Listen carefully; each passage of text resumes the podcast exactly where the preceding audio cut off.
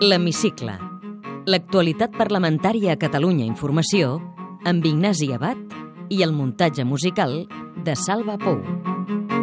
Reserveu-vos el dia 9, perquè el dia 9 hi haurà locals oberts, hi haurà urnes i hi haurà paperetes. La consulta del 9 de novembre s'ha canviat per un procés participatiu, amb urnes i paperetes amb la pregunta encadenada. Aquest canvi d'escenari, plantejat pel govern, trenca el consens dels grups proconsulta. Després de la reunió de dilluns al Palau de Pedralbes, en què el president de la Generalitat va descartar portar a terme la votació del 9-N d'acord amb el decret signat el 27 de setembre, dimarts Artur Mas formulava la proposta de consulta alternativa com a avançala d'unes eleccions plebiscitàries. La consulta del 9 de novembre, que es farà organitzada pel govern, és la consulta anticipada abans de la definitiva. L'endemà a la sessió de control es visualitza el trencament de la unitat d'acció. Oriol Junqueras, Joan Herrera i Quim Arrufat carreguen contra Mas. El govern s'ha aturat i ha introduït un escenari nou i no pactat que ha trencat el consens. El govern ha trencat la unitat que hi havia hagut fins ara. Vostè diu, estic preocupat pel consens, per aquesta porcellana fina que es va escardant. Nosaltres també, president, però és que té el martell a la mà. L'autosuspensió de la consulta per part del govern ha estat un engany a tothom, en aquesta cambra, a la gent que va fer confiança en la consulta popular. El president s'hi va tornar amb duresa en la resposta al líder d'iniciativa. El que vol amb el martell accepta això i el que va amb els mocadors suaus de seda, que és vostè, és el que ho intenta en aquest moment enfonsar tot. En benefici de qui? D'alguns d'allà que riuran molt. Però deixi'm dir-li una cosa, potser riurà millor el que riurà al final.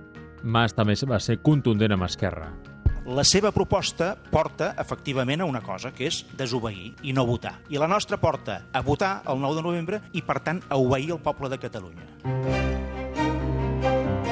Els grups contraris al 9-N també van carregar contra la consulta alternativa. Alicia Sánchez Camacho, del PP. I ara està impulsant una consulta de fireta, un simulacre, sense cap mena de garantia democràtica. Tinc la sospita que ara vostès fan el discurs de que això és un simulacre de consulta perquè ara sí que no saben com aturar-ho. Aquest és el problema, senyora Sánchez Camacho.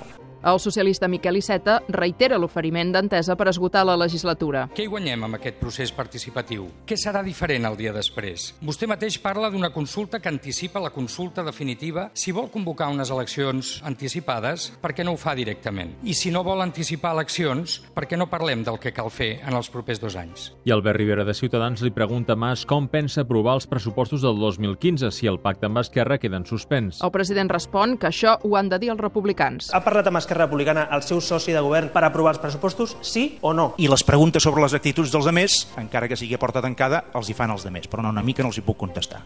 Doncs bé, divendres al matí de Catalunya Ràdio Junqueras deixa clar que no donaran suport als comptes per l'any que ve. Ara no s'han d'aprovar els pressupostos autonòmics en les restriccions d'una comunitat autònoma. El que hem de fer és plantejar els pressupostos d'una Catalunya independent. Per això és tan important que hi hagin eleccions el més aviat possible. L'escenari electoral obert amb la consulta alternativa de Mas passa per una candidatura sobiranista aglutinadora. Esquerra vol una declaració unilateral d'independència. Convergència Democràtica anteposa una negociació a la DUI. Josep Rull. Això de la independència és molt seriós i no anar amb elements express, sinó consensuar quin és aquest recorregut, perquè l'objectiu per nosaltres no és la declaració, sinó l'objectiu per nosaltres és aconseguir la independència. Declarar-la és molt fàcil, aconseguir-la és el que és realment complicat complicat.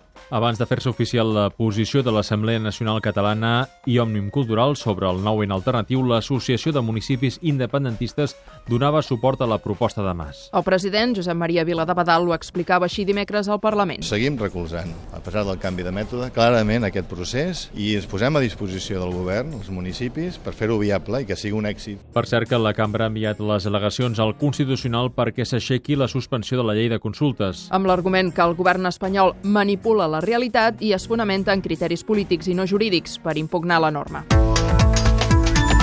El projecte de llei d'accessibilitat ha estat aprovat per 131 vots a favor.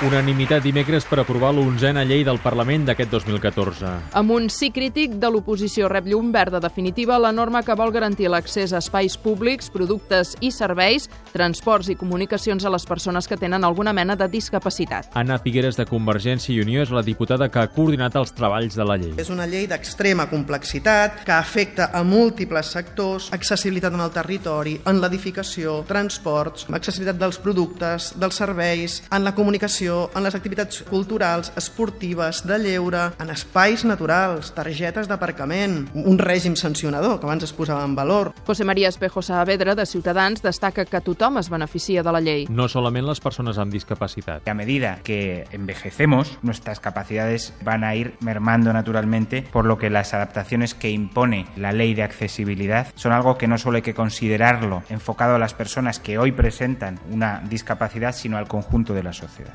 El ple d'aquesta setmana ha superat el debat de totalitat una llei d'iniciatives que Unida sobre el finançament del transport públic. Salvador Milà. Volem proposar un títol que sigui de caràcter social, multiviatge, recarregable i que permeti la mobilitat en qualsevol mitjà de transport públic de Catalunya. Senyor conseller, això no és la T-mobilitat. La T-mobilitat és un instrument de pagament. El títol bàsic de transport és un títol. S'ha tombat, en canvi, una reforma de la llei de policia plantejada pel Partit Popular per garantir que els Mossos d'Esquadra siguin neutrals políticament. Pere Calbó. Permetent que es vinculin Mossos amb independència, estan allunyant els Mossos, permetent aquest tipus de comandaments, fa que aquells ciutadans que no són independentistes es allunyin de la seva policia. Més breument, apuntem que el ple del Parlament ha aprovat el pressupost de la cambra pel 2015 amb l'abstenció d'iniciativa i la CUP. Que el diputat del PSC, Daniel Fernández, ha demanat la suspensió dels seus drets i deures com a parlamentari després del seu processament per tràfic d'influències en una derivada del cas Mercuri. El Partit Popular ha enviat al Consell de Garanties Estatutàries la llei d'acció exterior i relacions amb la Unió Europea que s'havia d'aprovar al ple d'aquesta setmana. De les mocions aprovades al ple destaca la que demana crear una comissió d'estudi sobre el consum i l'economia col·laboratives com per per exemple, el lloguer de pisos turístics o l'ús compartit de cotxes via internet. Una altra moció aprovada demana al govern que revisi la normativa d'allotjaments turístics perquè consideri si cal el permís de la comunitat de propietaris perquè un pis pugui ser destinat a fins turístics. Té la paraula José Antonio Coto, diputat del grup parlamentari del Partit Popular Català al Parlament de Catalunya. en una frase. Senyor José Antonio Coto, vol que Catalunya esdevingui un estat? Eh, no. Participarà a la consulta alternativa del 9-N? No. Aquest és el pas immediat a unes eleccions? Imagino que sí. Plebiscitàries o autonòmiques? Autonòmiques. Quan? Això ho deurà dir el senyor Artur Mas. Una reforma constitucional pot ajudar a resoldre l'encaix de Catalunya a Espanya? Depèn de tots els espanyols i ells decidiran. Nosaltres decidirem com a espanyols. Què li sembla al nou rei Felip VI? Un nou regne per un nou temps. Què l'indigna més a vostè? L'atur. Quin sentiment té cap a l'expresident Pujol? Engany, o sigui, sentiment de que ha mentit i enganyat a molta gent durant molts anys. Ha cobrat o pagat mai vostè en negre? Mai. Posaria la mà al foc que ningú del seu partit ha comès mai cap irregularitat? No. Percep símptomes de recuperació econòmica? Sí, se'n perceben. Ha estat mai a la cua de l'atur? Afortunadament, gràcies a Déu, no. Quins estudis té? Llicenciat en Economia i estic cursant Dret per la UOC i fent un màster també. Quantes llengües parla? Parlo català, castellà, bilingüe i anglès mm, defenc bastant bé. De petit ja li agradava fer discursos? M'agradava molt la política des de molt petit. Des dels 8 anys ja, ja seguia una miqueta l'actualitat política. Sabia quin eren els líders de cada partit i estava bastant enterat. I d'on li ve el coquet per la política? Des de la meva família s'ha parlat molt de política i després amb el temps s'ha anat esdevenint una de les meves passions. Quina pel·lícula el va impactar a la infància? potser si salvar el soldado Ryan. Em va impactar bastant. En quines poblacions ha viscut al llarg de la seva vida? Vaig néixer a Figueres, he viscut tota la vida a Barcelona, tot i que vaig molt a l'Empordà, allà ja tinc la meva família. Un destí per a un viatge de plaer. Cádiz o Màlaga, que és on vaig estar aquest estiu. Digui'm un espectacle escènic que l'hagi impactat darrerament. El ridícul que va fer Artur Mas el de dilluns a dimarts, amb retirant una consulta i promovent una nova consulta, que és més una costella que no pas una consulta. Un escriptor de capçalera. Julián Navarro, que estic llegint en el llibre de Disparar jo estoy muerto. A quina sèrie de televisió està enganxat? Doncs a Isabel, els dilluns a l'au. Quin plat cuina més bé? els seus fregats i les ensalades. Com reparteixen les feines domèstiques a casa? Intento ajudar bastant.